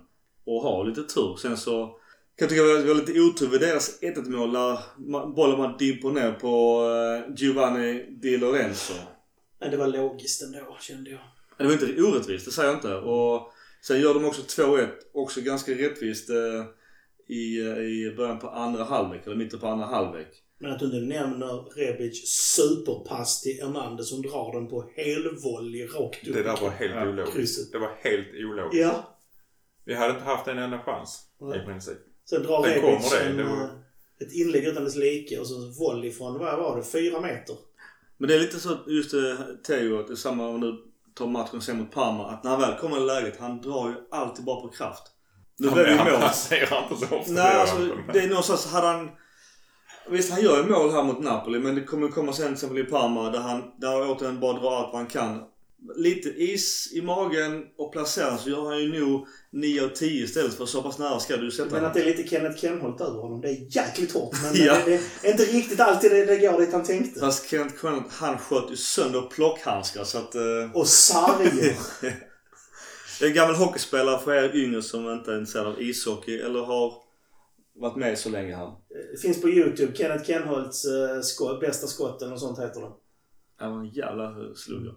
Men i alla fall, det blir 2-2. Kessie, eh, stensäker straff. Eh, Zlatan är inte kvar på plan så han kan inte lägga straffen. Zlatan blir utbytt. Han är jättearg. Han kastar flaskor. Han får rubriker i tidningen dagen efter att han var förbannad. Vad säger vi om hans insats, vår svenska vän? Liksom laget. Ja, Ett, ett steg tillbaka. Som trötthet eller det var någonting som inte riktigt stämde. Och då är det starkt att kunna ta en poäng. Jag tycker just Zlatan, eh, nu gjorde han sin hundrade match just med Parma som vi tar sen. Vi kanske ska gratulera honom för det.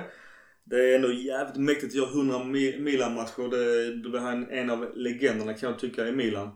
Men han har varit, om vi tar Zlatan här nu, mycket uttalande. Alltså han verkar kritisera allt och alla. Allt från Gazidis, att där verkar han stå kanske i Bobans ringhörna och Maldini som gamla polare. Men det känns som att Zlatan eh, Ja, nu gissar jag men jag tror inte han kommer tyvärr vara kvar i Milan. Jag säger tyvärr för jag vill ha kvar honom i Milan. Men eh, utifrån hans senaste uttalande i italiensk press så känns det som att han inte har någonting att förlora och att han kör riktig sheriff-stil. Skjuter med båda pickadollerna till höger och vänster i media. Uppenbarligen får han göra det för han får spela match efter match ändå. Ja men det är ju för Pioli är ju samma sits. Och det är ingen som vågar säga till Pioli, du, du får inte spela Zlatan. Som man säger, ledningen får inte påverka tränarens uttagning. Och där är Pioli och Zlatan. Jag tror tyvärr att de båda är samma sits. Pioli är ganska uppenbart att han är dead man walking. Tyvärr för hans del. Han eh, spelar för sin nästa bättre kontrakt just. Och det gör han jävligt bra just nu. Oh, jag läste ett rykte på det förresten. Pioli. Ta det. Conte, Conte verkar tydligen sitta löst. Men jag läste också att Allegri verkar vara aktuell för Inter. Och jag förstår inte varför det finns ett rykte om att Conti ska lämna Inter. Conte, Conte. Dels så har uh, trupp, truppen börjat, börjat prestera dåligt. Och det har gett svallvågor. Han har tydligen fått kritik av ägaren. Och då har de hamnat i konflikt med varandra. Sen om de har löst det eller inte vet jag. Men en av ryktena som kom fram där var att Pioli skulle... Han Ja. har ju misslyckats i Inter en gång. Ja, men, eh, men det han har gjort nu har tydligen gjort att ägarna gillar honom. Men eh, jag vet inte som sagt, det är bara rykten. Nej, men ska vi ta rykten om Rangnick och, och Pioli vara, icke vara. Så är det ju många som säger att Rangnick, vad har han gjort? Bland annat Zlatan, vem är det? Och han har ju en poäng, vad har Rangnick gjort? Ja. Om du utgår från Milans historia. Ja. Får du väl ändå då utgå ifrån. Men vad har Pioli gjort? Har Pioli, av Pioli haft landslaget. 14 klubbar på 17 år? Eller vad är det? Ja, jag läste om sånt. Betyder det att han är världens bästa tränare? För att han har gjort sju matcher bra i rad nu? Tänk vilken erfarenhet han har. Ja, men alltså... Jag, vi gick igenom Pioli när han tog över. Han gjorde en fantastiskt bra säsong med Lazio. Sen blev han kickad efter 10 matcher eller vad det var säsongen efter för att det gick inte bra. Så jag tycker inte vi ska höja Pioli till skyarna för att det har gått bra nu. Pioli blir en sån som om man använder Sam Allardyce till i England. Han kom in, räddade klubbar, fick dem på förhud och sen så gjorde han så. ja, men lite så har det ju varit i hela hans karriär. Jag, jag säger inte att han... Eh, jag vill inte vara den som bestämmer om han förtjänar ett nytt kontrakt eller inte. Men jag tycker att man kanske inte ska hylla honom just nu. För titta på hans track record så är det precis så här han funkar. Och han var ju också available av en anledning när vi sparkade Gianpaolo. Ja. Du är ju, visst nu är Allegri också available som en bra tränare men poängen är fortfarande att en bra tränare, om inte man själv vill, är ju inte ledig. Allegri slutade ju självmant från sin klubb. Ska också sägas. Han är utan kontrakt nu ja. Men han lämnade, när han lämnade Juventus var för att han själv ville. Officiellt. Ja, att jo, han jo, själv men ville ja. Han, han gjorde klart sitt kontrakt och så gick han. Han har inte fått brutet på det viset. Men Allegri var inte fri från om det. Allegri har haft kontrakt med han har fått betalt hela detta år. Okej. Fick- Allegri har, han fått, sparken, jo, nu. Allegri har fått betalt ett år. Nu- så skulle Milan kunna ta honom. Det är därför rykten är att Milan är sugna på honom. För att det skulle inte kosta Milan någonting att lösa ut honom. Men han skulle inte behöva gå min, min, minus på lönen. Men han gick ju själv ut och sa att eh, jag vill lämna efter den här säsongen. Har Juventus då av, av ren, Juventus har gjort sig av med honom. ren god vilja då Ja. låtit honom stå Ja, kvar? ja. Juventus ville bli av med honom av någon anledning. Jag tror att det var det här med Bonucci. De har bråkat jättemycket Bonucci och Allegri. För, okay. För han gick ju själv ut i intervjuer och sa att jag, lämnar Juventus, jag vill lämna Juventus efter säsongen. Ja, jag tror att Juventus låg bakom det mer. Ah, ja, okay. För han, han har fått betalt fram till nu och därför så nu skulle Milan kunna ta honom utan att han skulle bli lidande kom, alltså ekonomiskt. Ja, okay. För Milan har inte råd att betala den lönen. Då ska man ha Ragnicke som eh, Sportchef. sportchef och eh, Allegri. Som tränare. Det hade kunnat vara intressant. Arnaud som fortfarande ryktas, det ryktet dör ju aldrig med att köpa upp Milan. Han vill ju ha Allegri som tränare. Jag återgår till Zlatan. Eh, Det var också en tittarfråga som vi tog upp sist. Eh, Han var ju nere i ett omklädningsrum. Bröt även coronarestriktioner. Domen kom. Det blev en eh, liten fingervisning. That's it. Jag kan förstå. Jag vågar inte ta det. Det är lite fegt av det svenska Ja. fotbollsförbundet. Men det var väl inte så förvånande. Annars eh, Napoli-matchen, jag vet att Gattuso, jag tror det var Mario Rui som fick sig en riktig jävla örfil av Gattuso för att eh, han inte ville ta honom i handen vid eh, något, eh, något byte eller något annat. Nej, det var Fabian Ruiz tror jag det var. Som inte ville ta, göra en high five med Gattuso. Han tvingar honom tillbaka. Ja. Och det är någonstans också där man ser Gattuso, just det här med rätt och fel. Hur man ska bete sig. Det är det jag saknar med honom. Det skulle vara intressant att se hur Gattuso hade klarat hur det hade sett ut i Mi- för Milans del om Gattuso hade stannat eh, med, med den här förstärkningen vi fått just nu. Hade han gjort det bättre och sämre? Det är jättesvårt att spekulera i såklart, men det hade varit intressant. Vi hade ju aldrig sålt Suso och Hakan hade ju varit opetbar på en vänster, vänster ytterkant. Ja, Det känns som vi körde tyvärr samma felaktiga urspår med vårt 4-3-3 och bara la bollen brett till Suso och Hakan. Jo, men det känns inte som Gattuso vill göra något för att ändra det heller. Nej, men jag tycker ändå att eh, han får ett helt annat spel i Napoli och ja, det kanske inte var en mycket bättre spelare, jag vet inte. Men jag måste säga, på tal om Napoli spelar han Milik då som polacken som anfallare. Han ryktas ju till helt bisarra klubbar. Jag har aldrig riktigt sett storheten i honom. Alltså bisarra summor på en halv miljard till Han, han, han har löpsteget, han har tillslaget, han har blicken för mål. Han är lite opportunista. Dock så behöver han, han är en sån spelare som behöver ett riktigt bra lag för att leverera. Jag tror att han i en klubb, i en toppklubb i England till exempel, en toppklubb i Spanien, hade gjort hur mycket mål som helst.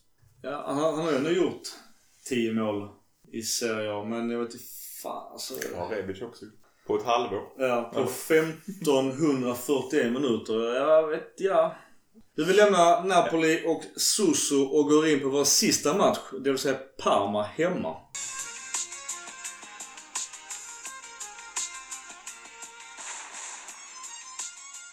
Massimiliano, Ma, Massimiliano, jävla jobbigt namn, Irati dömer. Parma kör 4-3-3 med Roberto De Versa som tränare. Vi kör återigen vårt 4-2-3-1. Med Pioli som tränare. Med Pioli såklart. Och har du tänkt på det här nu, Gustav? Micke har inte klagat på domaren en enda gång. Nej! För att vi vinner! Kan det vara det enkla svaret? Inga bittra kommentarer om vår gamle vän eller mm, och så vidare. Jag Ja, det stämmer. älskar att klaga på domare. Det roliga är att jag var faktiskt ett tag själv handbollsdomare. Men, men. Var det många som klagade på dig? Nej, för jag gav kort direkt till de som klagade. Eller fick skarpa tillsägelser. Vi uh, vänder steken. Jag tycker att eh, matchen eh, mot Parma hemma, uh, vi ligger under i halvlek med 0-1. Kurtic som jag tycker faktiskt är en bra spelare, han gör deras mål ganska snyggt. Eh, du såg matchen idag. Vi pratade om det i vår chatt. Det blev helt öppet på mitten. Vad, vad händer? Vi spelar med Biglia. Ja. Det är väl min kommentar också. Vi byter ut Biglia, sen börjar vi spela fotboll igen. Ja. Herregud vad den killen kan tappa ytor. Framförallt gjorde han Kessie jätteförvirrad. När Kessie stod, spelade som han har gjort de här matcherna innan det har gått bra. Då står Biglia nästan i knät på honom och skickar iväg honom. Och sen så när de går upp och Biglia ska ha den, då skiter Biglia i sin yta. Det var ju det vi såg vid 0-1 målet. Kessie tar ytan och då brukar Benast ta gubben bakom. Biglia är någon helt annanstans. Men man ser det så tydligt. För när, när eh, Parma-spelaren kommer löpande så ser man Biglia, whoops! Det var min gubbe och börjar springa efter. Men då är det redan för sent.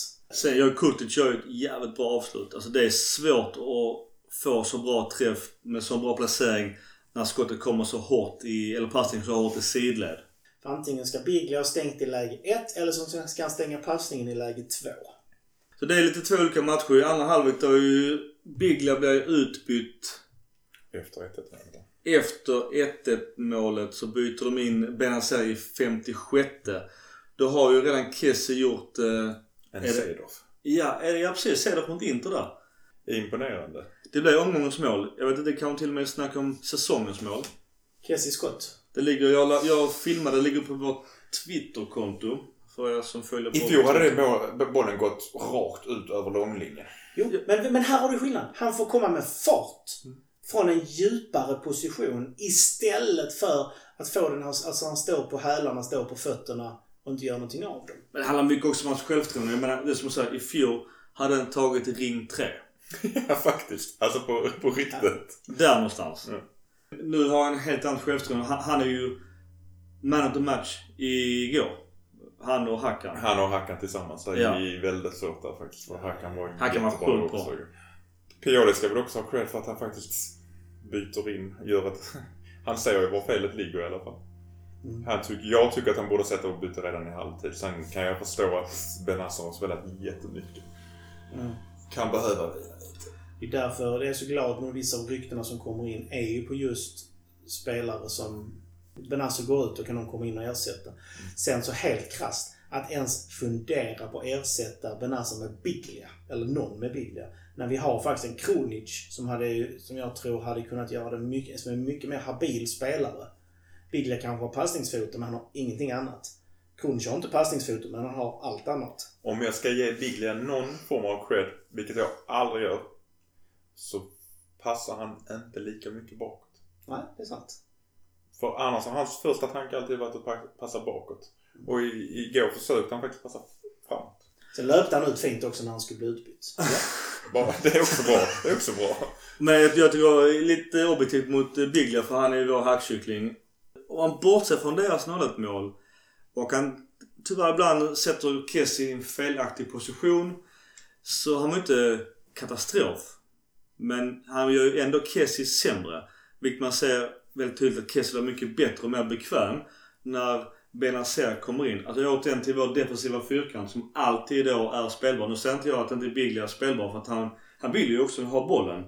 Men det blir helt annan trygghet i Milans defensiv. Vilket också är grunden till all uppbyggnad.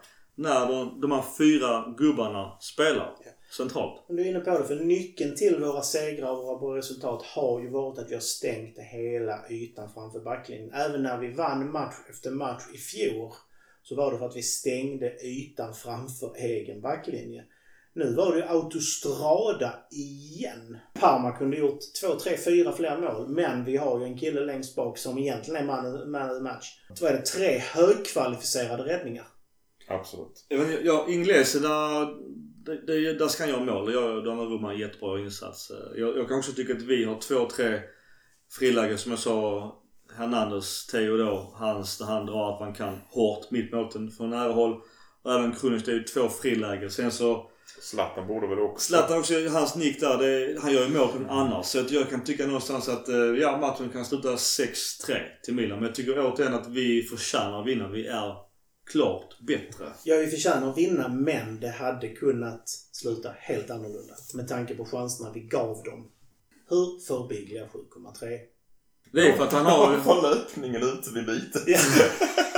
Nej, men här, här ser man ju, och nu, nu ska vi bryta ner någon av de här, de här sidorna här. Här ser man ju varför en spelare som inte gör något rätt, eller det han gör, det gör han rätt, men han skiter i mycket så märks det inte.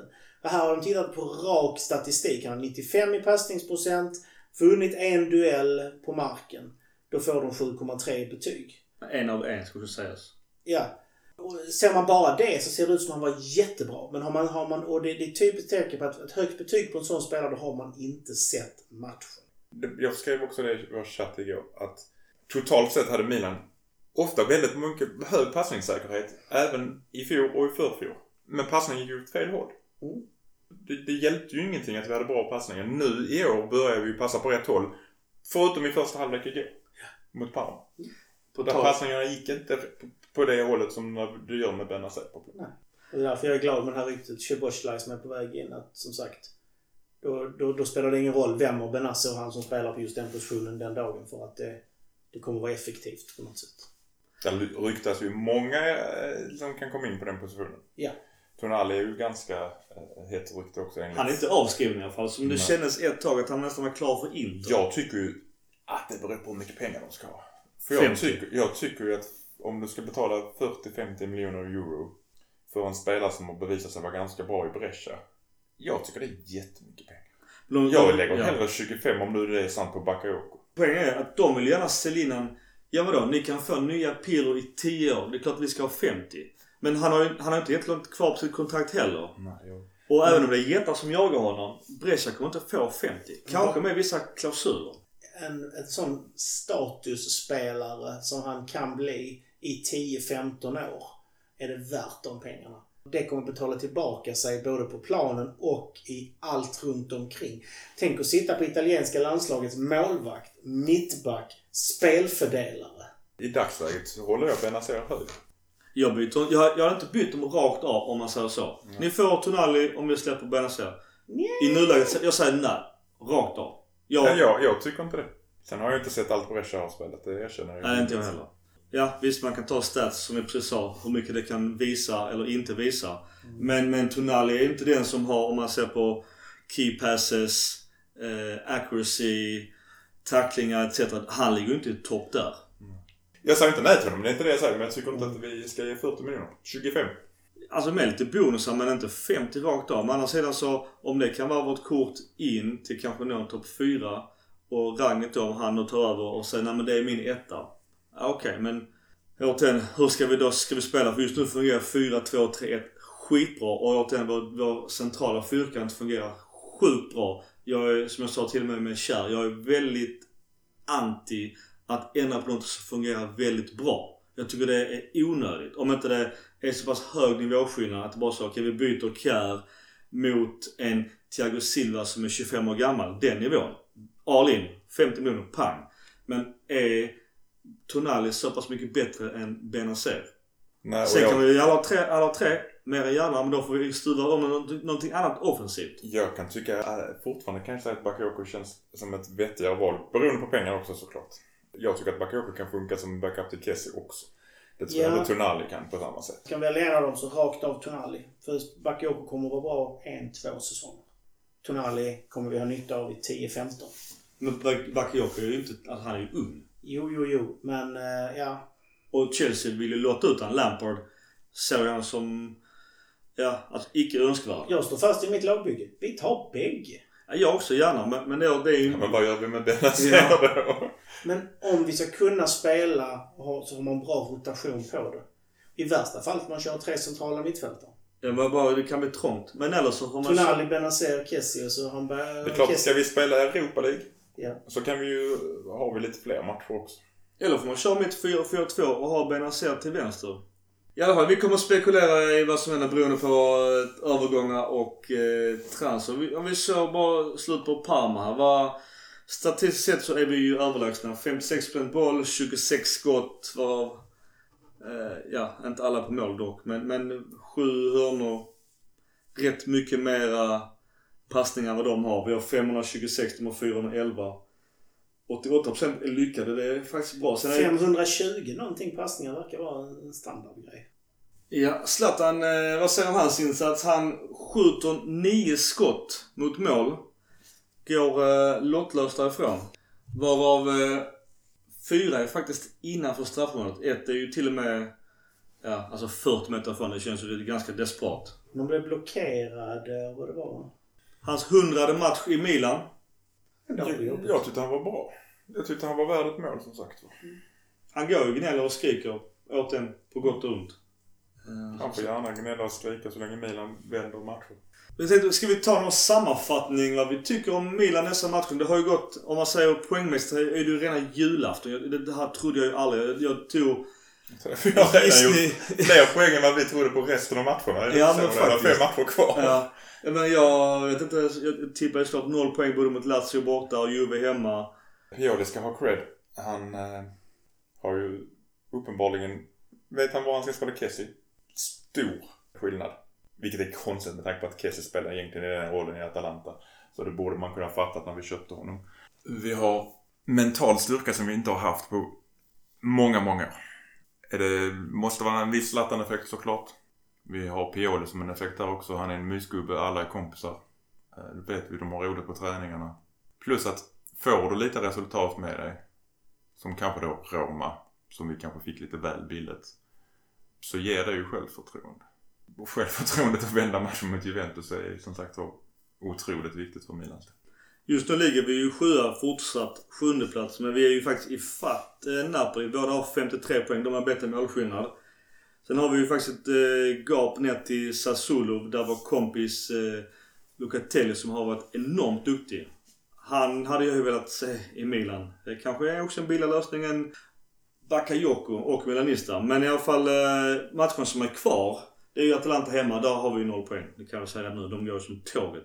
Men matchen som är kvar på pappret och eh, som sagt fem finaler kvar. Jag vill nog säga att vi bör hamna minst sjua vilket innebär Euroleague nästa år vilket jag kan tycka är väldigt viktigt. Men återigen, min eh, förklaring till varför Milan går bra det är ju den här defensiva fyrkanten. Så länge den är intakt och alltid spelbar så är vi alltid minst två mot en defensivt vilket bygger grunden offensivt.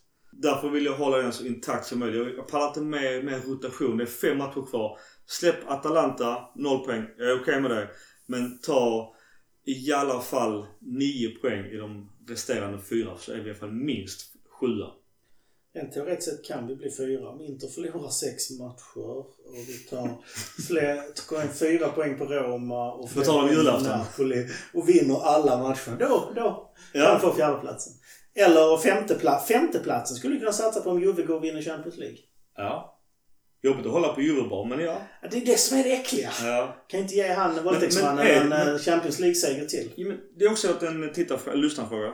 Om Juve eller Atalanta vinner Champions League.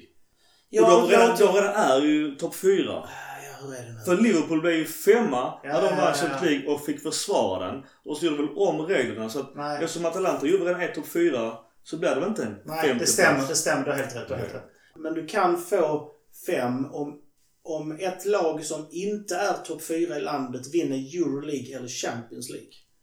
Då kan du få en femte plats. Om det är som så att man har fyra lag på plats 1 till 4, ett, ytterligare ett lag som vinner Euroleague och ett som vinner Champions League, då tappar laget som kommer fyra i ligan sin plats. Det är jobbigt. Den är jobbig om du kommer fyra. Men Gurra, vad har du för tankar sammanlagt nu här är vårt, vår andra typ av julafton sett till poängskörden här? Ja, vi har ju sett den. Eh, Donnarumma fortsätter leverera, det är ju alltid nyckeln. Men de stora nycklarna nya, det är ju att Romagnoli har en lekkamrat som man kan leverera. Vi har, det, är inte, det är inte nu längre en backlinje som knappt vet bak och fram och spelare som gör jättemisstag. Visst, de springer ihop någon gång, det, sånt händer. Men eh, de klarar att spela tillsammans. Kessie används på rätt roll och det tror jag är den stora grejen eh, i vårt spelsystem. Och ska jag blåsa min egen, eh, klappa mig själv på axeln där lite grann så har jag sagt det så, i två år nu att varför används han inte rätt? Och det var ju det jag resonerade till i vintras, att används han inte rätt kan han lika väl säljas. Men nu använder vi honom, används han rätt och han, vi ser vad som händer. Eh, Zlatan har kommit in och det ger ju ett lyft. Men även att Hakan faktiskt har blivit en lagspelare. Och det vi faktiskt har märkt att nu när vi börjat leverera är det när vår egentligen bästa spelare senaste tiden, Castillejo, har varit skadad. Då har vi fortsatt trumma på. Och då ställer vi frågan, var det Castillejo som var så bra eller var det laget som gjorde honom så bra? Men framförallt är det att vi börjar spela som ett lag, börjar ett spelsystem och faktiskt ska lyftas fram att Hernandez bör ha börjat försvara. Jag tar att han inte gör de vansinniga räderna i samma utsträckning för att nu när vi slipper luckorna bakåt. Så att eh, det är svårt att peka ut små saker men enskilt största är Kessie. Du, långt avsnitt. Vi glider över direkt på hit and shit. Det kanske går in lite i också resonemanget kring resultaten. Men jag kan börja. Min... Eh, jag börjar med shit. Och det är väl att Buffon har gått om vår kompis i Maldini i antal matcher.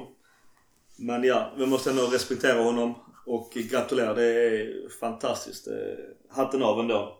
Fast det är en shit. Och sen hitten där, ja jag måste ändå, jag tycker Zlatan kommer på en legendarisk status med sina 100 matcher han har gjort nu i Milan. Och eh, sen vill jag ge en hit till ingen Milan-spelare men dock en Primavera-spelare och det är Lucatelli. Att hans insatser i Sassuolo har ingen gått obemärkt förbi. Hans eh, stats och insatser är eh, landslagsnivå. Och men det hjälper ju inte oss i nuläget men jag vill ändå credda för att det var en spelare som jag dessförinnan när han spelade trodde på och ville se kvar Milan men han såldes för kaffepengar och, och det var dumt. Leonardo. Så är det bra.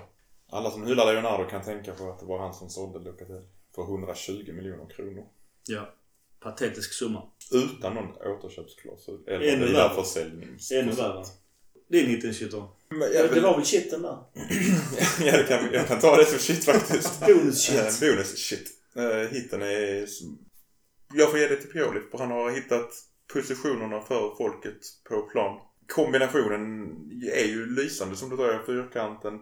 Du har en Hernandez och en Rebic som har lyckats kombinera bra. Ofta har hö- vänstersidan har ofta högre betyg än högersidan om man tittar både vad jag tycker men även vad statistiken säger. Totalt sett måste jag ju väl då, eh, om jag säger poängskörden efter coronauppehållet, är hitten på det sättet. In en extra hit. Jag har en extra hit och det är ju att Gazidis har gjort sitt jobb och lyckats få en samarbetspartner eh, med eh, ett entertainmentbolag. Vi har inte sett några siffror. Vi vet ju inte riktigt om det är en sponsor eller det bara är ett samarbete. Men det är för första gången det händer i europeisk fotboll i alla fall. Och det är ju med Rock Nation eller hur man nu uttalar det, ROC.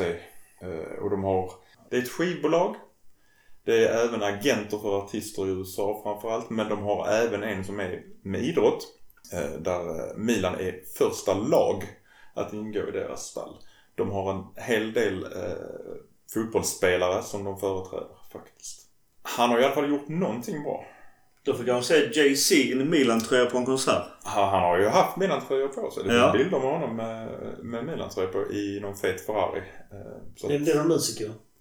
Ja. ja, eh, Jaha, okej. Okay. Sånt lyssnar inte jag på. Han är förmodligen världens eh, mest framgångsrika artist i form av intjänade pengar med tanke på hur många bolag han har runt omkring. Beats och sånt här är väl han som äger det också. Mm. Hörlursmärket. Så det där är ju ändå en, ett steg framåt i vår marknadsföring. Eh, vi har ju gjort rätt så stora steg tycker jag redan med, med bättre appar och mycket bättre sociala medier än vad vi har varit för.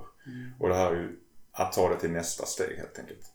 Sen kan man tycka vad man vill om man gör... Eh, jag kanske inte riktigt som gammal fotbollssupporter tycker det är så jäkla roligt att ha ett jippo på varenda match.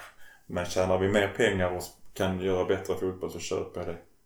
Det är ju för att få mera folk dit. Ja, det blir ju amerikaniserat på Ja. något sätt såklart. Jag, jag står fast vid det. Bara laget presterar på planen så, kan det, så tar jag vad som helst i övrigt. Precis. Jag tar att alla spelarna kommer in i clownkostymer och dansar eh, Macarena innan matchen. Om det, om det ger 100 miljoner extra om året, fine, kör. Ja, den här hatet mot, som man säger inom citationstecken, moderna fotbollen. Jag förstår det, men det är också löjligt för att det är fortfarande business. Om man inte förstår att det är business, jag är ledsen, då är man ute och cyklar. Det finns säkert någon tredje division 5 eller 6-klubb de kan gå och Ja. titta på. Brun boll, korta shorts, ingen reklam. Det är, alltså glöm det. Gurra? Lagmoralen är den stora hit. Och faktiskt framtiden för att jag tycker det känns bra. Kalla mig naiv men eh, det känns ändå som att det är någonting på gång. Både, både på plan nu och inför nästa säsong. Euroleague nästa år, lite bra framförhållning. Ny, ny, ny tränare, ny sportchef. Shit är svårt. Vi, eh, sagt, spal, spalmatchen var ju en... eh, Underskattningen får ju inte komma fram osäkerheten och att det tar så lång tid med stadionbygget. Det är egentligen stora, eller svar på vad som händer med stadion. Så det får vi ge till eh, Milanos stad då. Varför det tar så lång tid att få besked om stadion och bygglag och hela den biten. Forza Milan. Både som